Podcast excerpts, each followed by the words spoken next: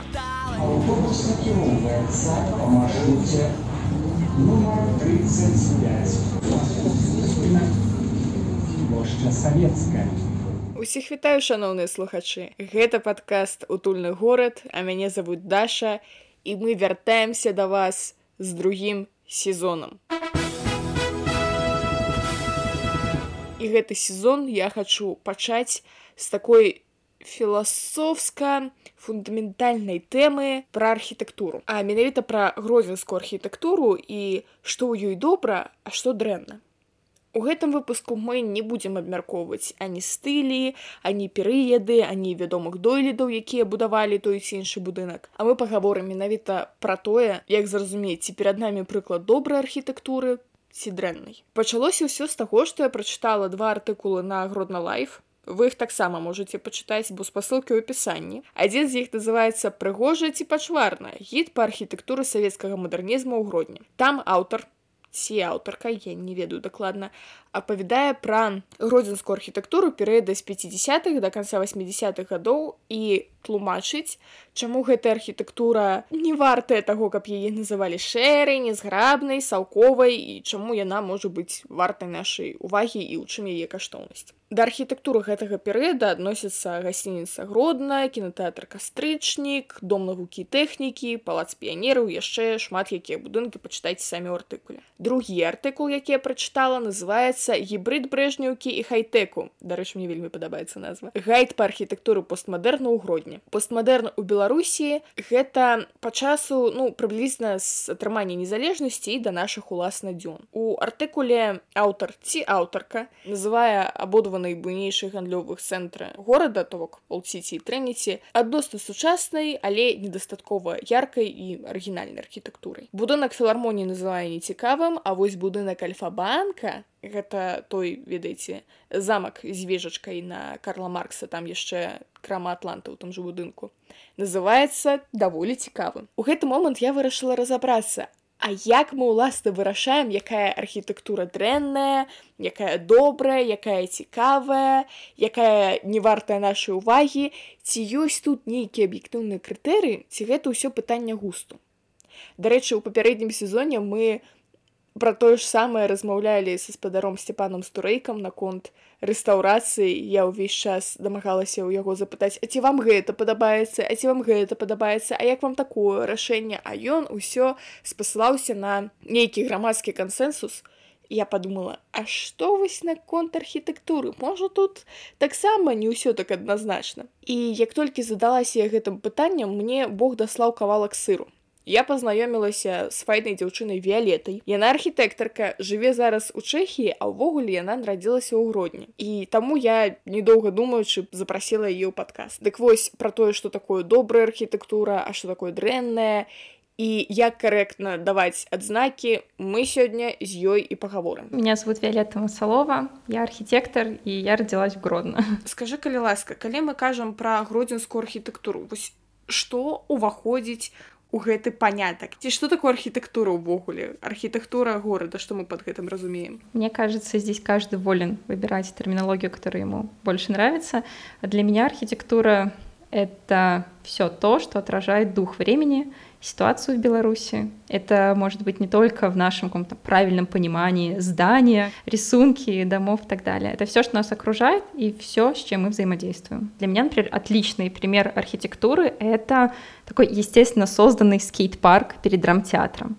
Это просто люди, это просто подростки, которым очень нравится кататься на скейтбордах, на велосипедах и просто отдыхать и встречать красивые закаты — это архитектура. Просто гэта такая, ведаеш, метафора, як музыка, якая застыла ў камені. Окей, а калі ўсё ж такі вяртацца да будынкаў, тое, што я прывыкла разумець пад архітэктурай, у цябе, можа быць, ёсць нейкі прыклад, як мы можам падзяліць на катэгорыі усе будынкі ў горадзе Гродна. Я не ведаю там па стылях, па перыядах, як-небудзь яшчэ. Классификация архитектуры может быть любой, и все зависит от вашей цели. Классифицировать можно хоть по степени изношенности фасада или по количеству нанесенных матерных слов на здание. То есть каждый волен ориентироваться на свою задачу. А если говорить про обширную классификацию архитектуры, для легкости восприятия критерий периода времени я нахожу более подходящим. Э, я бы всегда смотрела на определенный контекст, то есть зданий. Это можно сравнивать это, например, с политической ситуацией да, страны. Например, когда у нас страна наконец-то или не наконец-то стала свободной Республикой Беларусь. Можно рассматривать, когда там она была в составе СССР. Можно еще уходить даже в дебри. Но я бы рассматривала какие-то уже конкретные случаи. Вось, напрыклад, фарны касцёл такая візітовая картка горада Гродна, гэта што ўвогуле за стыль за перыяд И до чего он там належит. Предпочтительнее говорить о периодах времени отличительных чертах того или иного объекта, потому что, например, после нескольких э, изменений или реконструкций одно стилевое направление не может справиться с представлением об объекте. Например, если брать, опять-таки, фарный костел, это 17 век, можно, да, сказать, что это типичный представитель барокко, но если назвать какие-то отличительные характеристики, вряд ли мы будем перечислять характеристики барокко, и это нам как-то расскажет о этом костеле. То есть, мне кажется, здесь больше характеризует этот объект э, титул «Малая базилика», который дан папам римским, высокий деревянный алтарь относительно европейских, то есть там больше 20 метров. Это считается какой-то отличительной чертой. Это можно найти в очень-очень многих примерах. Например, тот же XII век Ложская церковь. Можно характеризовать, опять же, романский стиль, но мне кажется, что здесь лучше сказать, чем она отличается. Например, декором фасада, там, вставками из полированных цветных валунов, или, например, что в конструкциях стен у нас находятся кувшины-голосники, придающие помещению особо акустические свойства. И так, мне кажется, можно говорить про все. 16 век, Бернандинский костел, да, хорошо. Некоторые отличия барокко, готики, ренессанса. Гродненская кирха, 19 век, неоготика. Большая хоральная синагога, 20 век, если не учитывать двух предыдущих на том же месте, эклектика. Ну, если в пример брать религиозное здание Гродно, мы встречаем изобилие различных эпох, конфессий, подходов и особенностей архитектуры. Мне кажется, это важнее, нежели слепое перечисление стилевых направлений. То бок вось просто так казаць, а гэта у нас барокко, а гэта сталинский ампир, это ты лічыш не мэтазгодным. Я считаю, что это просто не даст полной картины и информации. И более того, я уверена, что люди, которые не занимаются и не используют эти термины в каждодневной практике просто напрочь не могут вспомнить все характеристики того или иного стиля. Это просто тяжело и нецелесообразна зразумела тебе гэта ведаеш просто такая траўма чалавека які ад часу да часу бываў на всяких краязнаўчых экскурсіях калі ты ідзеш экскурсавод ці экскурсаводка останавливаются ля пэўнага будынка і першае што яны кажуць А вось гэта такі-то касцёл стыль барока і ты такая ага нічога не зразумела але вельмі цікава на экскурсиях в каких-то в литературе книгах либо видео это забавно слышать просто такой как пунктик но пока это не раскроется в себе это никакой ценности ценнасці не несет глядзі А вось напрыклад ты старыя дамы якія складаюць наш так званы стары горад там на вуліцах замкавай карла маркса кірова мехася василька і так далей так далей. Гэтыя будынкі як табе падаецца яны ўсе аб'яднаныя нечым агульным? То бок можна сказаць што яны належаць да адзінага стылю ці яшчэ да чагосьці? Можа быць яны неяк нейкім унікальным чынам пабудаваны Таму што сапраўды яны хоць розныя вось я кажу як непрафесіяналка Божа мой вось просто так на іх паглядзіш яны канешне розныя але вось менавіта з іх складаецца нейкае гэтае ўражанне ад старога горада в первую очередь наверное нужно понимать что такое исторический центр гродно то есть в первую очередь это планировочная структура центральной части города с 13 по 20 век где на относительно незначительной территории сосредоточено более 300 исторических объектов различных эпох и стилей, неразрывно связанных между собой. Поэтому в центре Гродно мы получаем такой чувственный ансамбль, состоящий из жилых зданий, некоторых вышеупомянутых религиозных, общественных пространств и так далее. И уникальность э, именно домов, о которых мы сейчас с тобой говорим, заключается в том, что они не просто находятся в центре, тем более историческом, а являются его неотъемлемой частью. Если отвечать конкретно на вопрос, то чаще всего это жилые здания там, 20 века, стиль классицизм, эклектика, но, повторюсь, не считают информацию достаточной для понимания уникальности и контекста города Гродно. Слухай, вось про классицизм. Я нешта со школы памятаю, гэта калі ўсё параллельна і перпендыкулярна. Як мне падабаецца казаць гэта вось нейкая такая чоткасць выкшталцонасць дакладнасць А эклектыка гэта што такое гэта калі з розных стыляў усяго натаскалі натаскалі і атрымаўся нейкі калажы в принципе так и есть если смотреть по терминологии то эклектика это отсутствие стилевой целостности но мне твое объяснение нравится даже больше я думаю вообще спроектировать дом в определенном стиле чистом невозможно. Все переплетается, поэтому я думаю, что эклектика на самом деле это любой стиль. Пры гэтым усе гэтыя прышпільныя эклектычна класічныя дамы яны даволі праблемныя для жыхароў то бок пэўна няма праблемы ў тым што ты жывеш у прыгожым будынку на баку якога гэтая ганаровая шыльдачка гісторыка-культурная каштоўнасць але там часта здараюцца ўсякія жыццёвыя непаладкі ну ведаеце для мяне гэта такое важное пытанне бо я за самой сабой заўважаю як для мяне моцна каштоўна ўсякія старыя прыгожыя будыначкі то бок я аж пацырую па цэнтра горада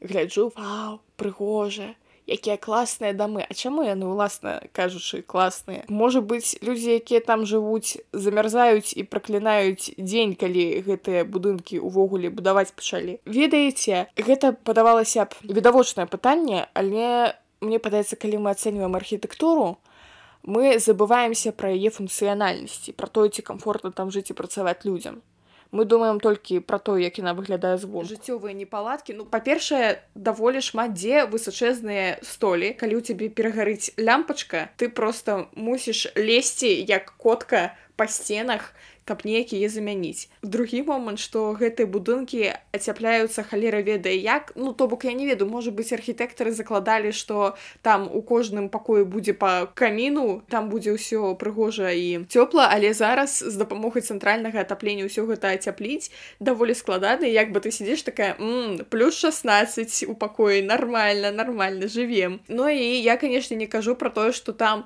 паўсюль патрэбныя капітальныя ремонты тут у нас штукатурка абвалілася тут сцена пакасілася дах пацёк у сувязі з гэтым у мяне пытанне першае чаму так адбываецца па-другое можа быць ведаеш існуюць нейкія спосабы каб са старога дома зрабіць нейкую такую цукерачку каб там жылі усялякія программисты хипстеры и не ведали беды. Ну, вообще, здания же построены в разные эпохи развития технологий, способов строительства и, главное, контекста. Способы существуют различные, но все их можно объединить одним прекрасным словом «реконструкция». Здесь нужно помнить, что это много вложений. Снос зданий всегда дешевле реконструкции. Поэтому историко-культурная ценность чаще всего в наших условиях либо реконструируется дешево и быстро, либо консервируется и медленно рассыпается. При этом не существует одного простого решения этой проблемы. Реконструкция затратна там, по времени, финансам, труду. Все это взаимосвязано. Например, если взять денежный аспект, лишь увеличение финансирования недостаточно для решения, как и наличие, например, профессионалов с отличными подходами к переосмыслению архитектуры. Это своего рода система, такая конструкция, где должен присутствовать каждый из элементов, иначе это просто не будет работать. У нас в Беларуси либо просто не доходят до этого руки, потому что это сейчас не первостепенная задача и, может быть, даже не в списке существенных. Если, во-первых, да, проблемы всегда с финансированием, вообще сохранение историко-культурных ценностей, достаточно новое веяние. И системы профессионалов то же самое, с этим большая проблема. То есть если у нас э, буквально там один, два, три вуза архитектурных, еще менее, наверное, вузов, которые выпускают там специализированных, я имею в виду и реконструкторов, историков. Это всегда должны быть группа профессионалов, которые должны работать вместе, при этом должна быть и хорошая зарплата, и финансирование, и просто заинтересованность человеческая, она всегда, естественно, зависит от государственной. Мне падаецца, што можа быць нават рэканструяваць які-небудзь палац, гэта прасцей, чым рэканструяваць жытловы дом, таму што ну, у палацы прынамсі зразумела, што там будзе, там хутчэй за ўсё будзе музей. І ты такая Окей, вось у мяне ёсць каркас, і я з гэтага каркасу зараз мушу зрабіць музей.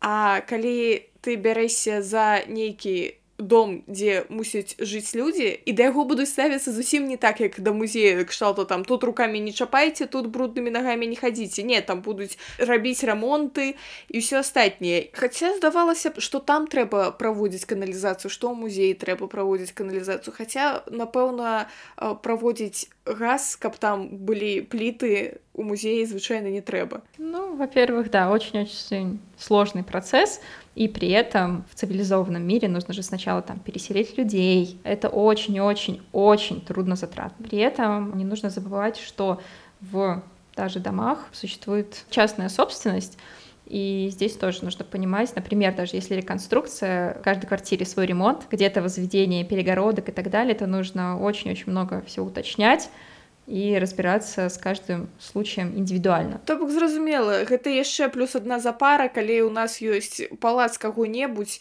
які стаіце развальваецца мы просто возьмем і сканструюем там усё як трэба а там як бы людзі жывуць і мы скажем мы хочам разваліць гэту сценку яны скажуць не не развальвайце гэту сценку яна нам каштоўная як памяць и что ты будешь робить. Ну да, если сравнивать именно с какими-то большими, ну, общественными зданиями, мне кажется, разница на лицо, когда если какое-то есть функциональное зонирование, особенно если мы там делаем музей, намного легче поразмышлять, если это будет представить, что это будет выставочным залом, и там вообще должно быть просто свободное достаточно пространство для экспонатов и так далее, а не воспринимать каждую ячейку, да, квартиру как отдельную ячейку, и при том там еще должно быть функциональное зонирование по твоим еще нуждам из разряда зал, кухня.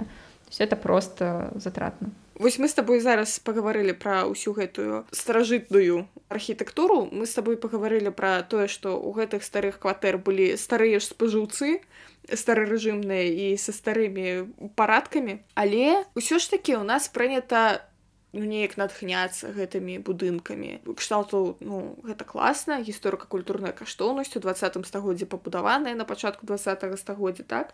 А савецкую архітэктуру прынамсі раней было прынята неяк хейціць напрыклад вось да мінску заўсёды вось гэтыя прэтэнзіі што божа мой гэтыя шырачэнныя праспекты а тут значыцца гэтыя высачэзныя дамы і ты ідзеш такі маленькі чалавек у гэтым сацыялістычным свеце і ўсё такое шэры ўсё такое мармуровае і магутнае а потым нешта змянілася і фоткі савецкай архітэктуры раптам сталі набіраць тысячу лайкаў у нстаграме раптам яны сталі з'яўляцца на вокладках нейкіх постмадэрнісцкіх постпанкаўскіх альбомах музычных і ты просто сидзіш такая думаешь А что адбылося А чаму людзі раптам пачалі бачыць прыгажосць ва ўсіх гэтых будынках А что здарылася Вось і у мяне да сябе пытанне першае вось калі казаць пра савецкі перыяд у гродняй якімі ён там будынкамі прадстаўлены сначала хотелось бы да просто сказать как я понимаю эту архитектуру и как оцениваю, в первую очередь оцениваю подход и принцип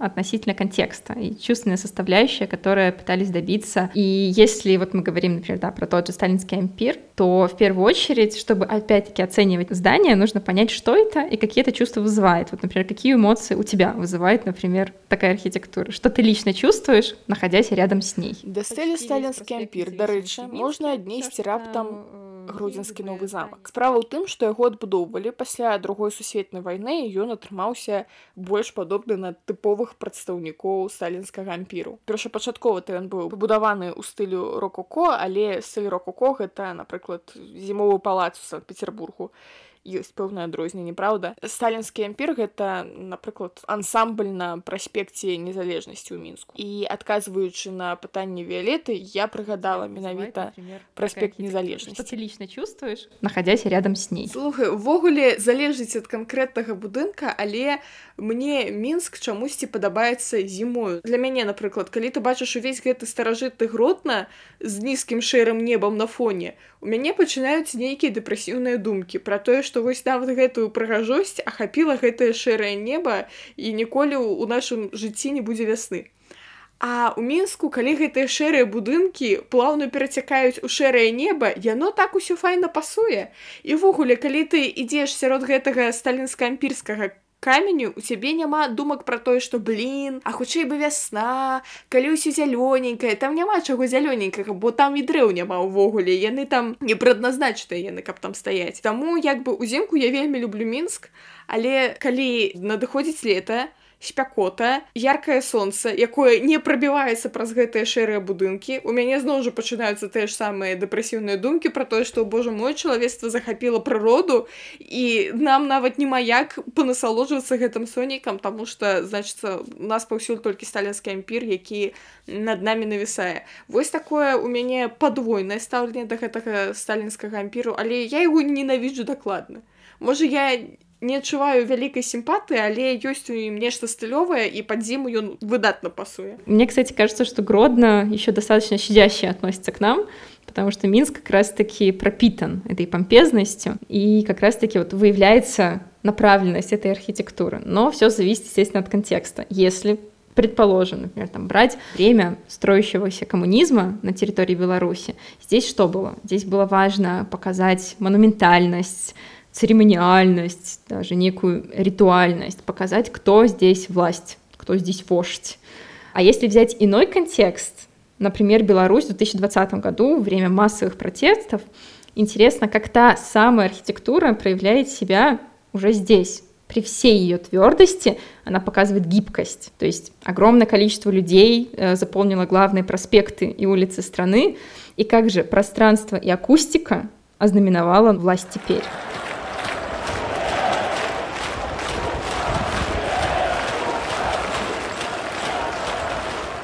То есть мне очень по душе это противопоставление тихо и быстро проезжающего кортежа и медленного, тянущегося, плотно от этой колонны людей с гулом и предчувствием конца.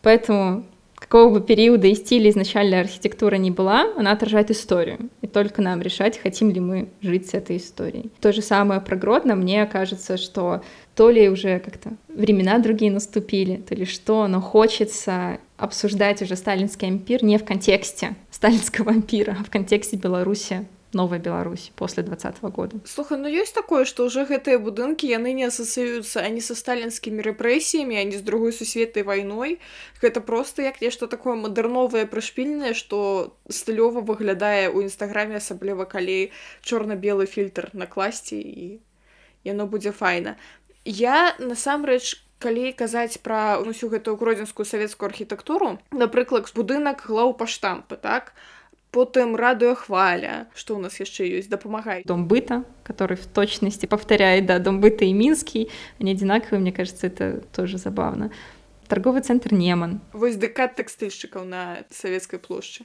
можно считать да типа это советская архитектура типовая просто есть слово типовая не нужно разбирать ничего там еще внутри. Это уже обо всем говорит. Слухай, ну вось тыповыя нетыповыя, калі ты апынаешся ў вільні і бачыш вось гэтыя бясконцы касцёлы у стылю віленская барокка, так? Ты такая просто ну тыповое віленская барокка. Я разумею што яны ўсе па індывідуальным як бы эскізу ўсё адно будаваліся то бок для кожнай царквы вядома архітэктар асобна працаваў але но для мяне даволі аднолькавыя толькі што колеры розныя вообще это разные вещи когда мы говорим что например типичный представитель одного стиля это там он просто использует да, как раз таки характеристики стиля, и они чаще всего одинаковые. Есть какие-то очень конкретные примеры, там, готики в романской архитектуре, когда это прям было Почему это было нововведение, новый стиль? Потому что там уже придумали принцип конструкции, то есть переноса э, веса, чтобы это все было легче на перекрытие, чтобы были легче перекрытие и стены. Поэтому это что-то типа очень-очень новое. И, естественно, когда применяется этот тип конструкции, понятно, окей, это этот стиль. В советской архитектуре это было немного по-другому, потому что существует типовой проект. Здесь он почти ничем не отличался, если вообще не было никаких изменений. То есть вот как этот ДК текстильщиков, так и дом быта — это типовой проект. Наверное, нужно радоваться, что до Вильнюса это не дошло, и хотя бы где-то есть маленькие различия. Да Вильни это дошло. Тут так само есть довольно типовые рэчы, але, может быть, их не так шмат, и они крышку губляются на фоне старого города, які у значный свой част захаваўся, і он займает значную частку города у мяне да цябе пытанне вось наконт гэтага тыповага праекта а што а ў савецкім саюзе як бы на месцах не было архітэктараў ну просто аднаго што там гэты план дома прыслалі з москвы ўсё што яшчэ застаецца рабіць архітэктару можна ж не заходзячы нават да архітэктара адразу гэта будаўнікам перадаць наці будуйце не так яно не працуе архитектор это всегда такая такая типа связка между проектом и строительством реализации существует такое понятие как авторский надзор и чаще всего он производится архитектором. То есть он должен смотреть соответствие этого проекта. То есть, да, просто присылается проект, и он должен следить за ним. Существует какая-то территория, да, где бы нам построить дом быта. Да. Не всегда же, вот, например, в Гродно его где угодно не поставишь, не всунешь, потому что ай-яй-яй, исторический центр. Находится место, и уже все остальное, что тоже относится и к зданию, и к благоустройству, это тоже нужно все соединять часть города. То есть даже если тебе присылают очень много проектов с Москвы, ты не можешь просто тыкнуть пальцем в небо, стройте и рассчитывать на то, что город станет полноценным. Все нужно связывать, и даже это работа архітэктара у грудні таксама яшчэ актуальна праца архітэктара ў тым сэнсе што ты гэтую тыповую панельку просто так без зменаў не ўпіхнеш таму што ў нас ёсць гэтыя прыгоркі узгоркі і там элементарная вышыня фундамента будзе розная да да отличительная часть гродна это рельеф что дает нам некую индивидуальность так але панелькі прыходзіцца ўпіхваць на горы і жыццю радавацца заадно давай пагаворым і пра панелькі ты дарэчы у панельцы выросла Да, сначала на фолише, потом на вишневце, но это всегда были панельки. Панелькі таксама зараз пачалі рамантызаваць. Я таксама знаходжу да халеры ў нстаграме усялякіх блогаў, дзе чувакі фоткаюць просто на плёнку гэтыя панелькі і гэта кшталту так романтычна. Скажи, калі ласка, як на твой густ, як тебе панелькі ўвогуле? Я принимаю их, могу сказать. То есть, если я говорю про подход, вот это вот контекст и так далее,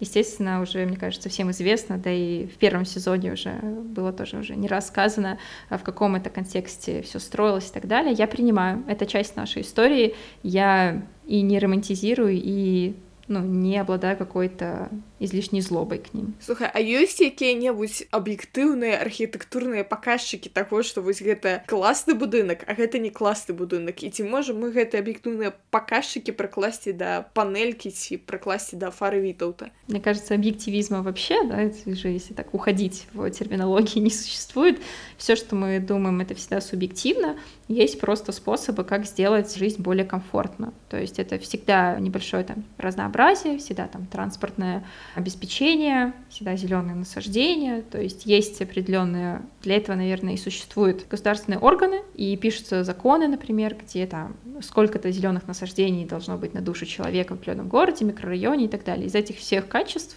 характеристик складывается уровень комфорта жизни. Конечно же, это можно переносить все на панельные дома, тех же наших микрорайонах можно просто да в идеале все развивать чтобы это все улучшалось А як ты думаешь адкуль пайшла гэтая узгаданая тенденция на романтизацию панелек. Мне кажется, это уже, знаешь, нужно обращаться к специалистам, антропологам, либо социологам, но от себя, мне кажется, можно сказать, что для меня это что-то больше, чем чувство ностальгии. Для меня это как-то ощущение реальности, как будто, знаешь, клоуны и декорации остались, потому что цирк и не уезжал. Мы живем в этом, продолжаем жить. Не знаю, будем ли мы там рассматривать этот вопрос «Молчат домами». Молчат дома гэта такі постпанк new wave сінці-поп беларускі гурт, які у Амерыцы шмат больш папулярны, чым на радзіме. Парадокс. Они же очень популярны в Америке. Не существует термин, когда ты чувство ностальгии по тому, чего ты никогда раньше не испытывал. И вот мне кажется, что без какого-то хейта в сторону Соединенных Штатов Америки, чаще всего это именно такое ощущение. А при нас я понимаю, что я не могу сопоставить это вот, если очень-очень ужасно и очень плохо говорить, например, у них не настоящая ностальгия, да, а у нас настоящая. Я не могу даже это ностальгией назвать, потому что я родилась в панельке. Да, я не родилась в период СССР, но я родилась в панельке, я выросла там. Молчат дома, які, до речі, беларускі гурт, якія якраз выкарыстоўваюць вось гэтыя індустрыяльны new wave стылю сваёй музыцы і выкарыстоўваюць у якасці ілюстрацыі гэтыя бясконцыя фоташкі там нейкіх брутальных будынкаў нейкіх панелек і так далей. І яны зараз вельмі папулярныя пытанне чаму мы ўжо з табой пачалі адказваць наконт таго што вось нейкая дурная ностальгія вось настоящая ці не настоящая. Ну у мяне дарэчы я калі слухаю якія-небудзь гэтыя каўбойскія песенкі на амерыканскія пра take me home country road у мяне таксама нейкае пачуццё ностальгіі прачынаецца хаця я ніколі ў жыцці на коніку праз ранчу не ехала да хат разумееш ну, мне кажется что здесь опять-таки молчат дома это не просто музыкальная беларуская группа это как будто музыка времени, музыка эпохи, голос эпохи. Они очень хорошо это все передают с помощью своего творчества. И творчество здесь, конечно же, не ограничивается только музыкой, но это те же обложки альбомов. Вось мы с тобой зараз дайшлі до такой філасофскай думкі што вось гэтае можа быць захапленне савецкай архітэктуры гэта тое што адлюстроўваецца ў панятку постсавецкі Што мы ўсё яшчэ постсавецкае нейкае пакаленне нейкае ў нас постсавецкае грамадства у тым сэнсе што мы яшчэ не адарваныя ад гэтага нам трэба гэта вось неяк працягваць і пераасэнсоўваць і пісаць пра гэту музыку. То бок яны ж не абралі стыль барочнай музыкі і не лепіць фару вітаўта сабе там на кожную вокладку альбома Таму што неяк барочная музыка пэўна ўжо перасэнсаваная не выклікае ў нас аніякіх пытанняў тут яшчэ гештальты не пазакрываныя я да цябе пытання на заканчэнне у нас прынята крытыкаваць усялякую гэтую постмадэрнісцкую архітэктуру вось напрыклад будынак будынак атланта такі тыповы прадстаўнік чагосьці постмадэрнавага кшталту. Мы будуем нешта падобнае на палац з вежай але пры гэтым гэта будынак атланта і там ўсё такое шкляное. Як табе такі падыход зразумела я тут маю на увазе крытыку з таго самага артыкула гродна лайф гібрид брэжнюўкі хайтэку гэта той дзе олдсіці і трыніці называюцца сучасная але недастаткова яркай арыгінальнай архітэктурай будынак філармоніі нецікавым а будынак альфа-банку даволі цікавым хаця вядома не толькі гэты артыкул крытыкуе сучасную архітэктуру гэта шмат хто робіць але перад запісам выпуску я даслала менавіта гэты артыкул віолетце і вось што яна думае на гэты конт я почитала статью и там прямо мне есть многое что сказать но я прям разбирала каждое то что там написали но касаясь именно этого здания альфа-банка на карла маркса и опять-таки еще там плюс выставочный зал зов Единственное, что я могу сказать относительно этой статьи, что я не разделяю оптимистичность заголовков. То есть про первый это был чистейший постмодернизм, а про второй — современная архитектура, за которую не стыдно. Не разделяю этого всего, но при том же оцениваю, естественно, подход. Вообще нужно сначала да, понимать, как к этой всей архитектуре относиться.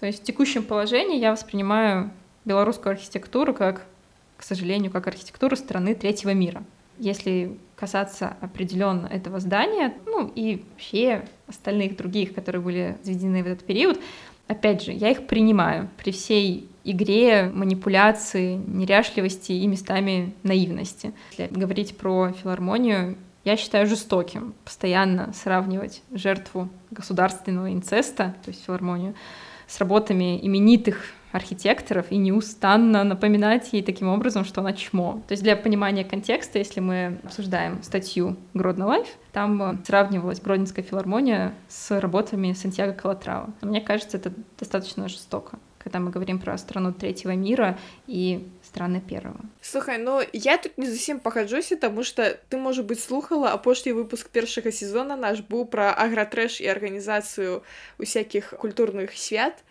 і я там быццам бы таксама параўноўвала непараўнальнае то бок як чувакі ладзяць святы ў польшчы беларусы дарэчы як яны гэта ўсё арганізоўваюць і як гэта робіцца ў нас і тут таксама можна сказать Беларусь краіна трэцяга свету Польшча краіна нейкага іншага свету і зразумела там усё будзе класна у нас будзе нейкі агратрэш мне падаецца тут прэтэнзія менавіта ў тым што быццам бы мы беларусы таксама можам пабудаваць нешта класнае зрабіць нешта класнае але вось про праз гэты там дзяржаўны апарат нам гэта не даюць увесь час таму что вось такі у нас дзяржаўны аппарат не падаецца ў гэтым прэтэнзія э, да но при этом когда если знаешь тоже типа вырывать из контекста и просто критиковать определенное здание не знаю, почему я с таким как бы чувством и трепетом теперь отношусь к гродненской архитектуре. Э, конечно же, не нужно забиваться в какой-то, знаешь, кокон и говорить только про Беларусь. И вот у нас, да, есть там отличный пример хорошего здания, и все, и делать только так. А, конечно же, нужно смотреть на мировой прогресс и что сейчас происходит в мире, но мне кажется очень жестоко сравнивать, когда мы были не в равных условиях. Это из разряда для меня сравнивать, я не знаю, с сочинение пятиклассника с Шекспиром и выставлять ему оценку относительно этого. Ну вот, наверное, хорошие были примеры. В статье упоминался неплохой вариант храм в честь Рождества Христова на Девятовке, когда мы говорим про современную архитектуру чаще всего ставится просто равно, и это эквивалентно постмодернизму. При этом особенность, мне кажется, постмодернизма в странах СНГ. Здесь лучшие примеры — это религиозные здания. Ты бачила костел у паўднёвым, дарэчы. А, да, я ж... ну это же около Вишневца, поэтому, да, тоже неплохой вариант. Мне вельмі падабаецца асабліва ведаеш вось гэты касцёл калі ён на фоне хмарнага неба почему-то Гродно особенно может похвалиться именно костелами в микрорайонах Так, ну што, напэўна, на гэтым мы можам завяршаць наш сённяшні выпуск. Падвядзем нейкую выснову ўсіх нашых дэбатаў пра архітэктуру. Як табе гродзенская архітэктура ўвогуле? То ли я расчувствовалась в свете последних событий, то ли предвзято к родному городу, но отношусь к гродненской архитектуре я с нежностью.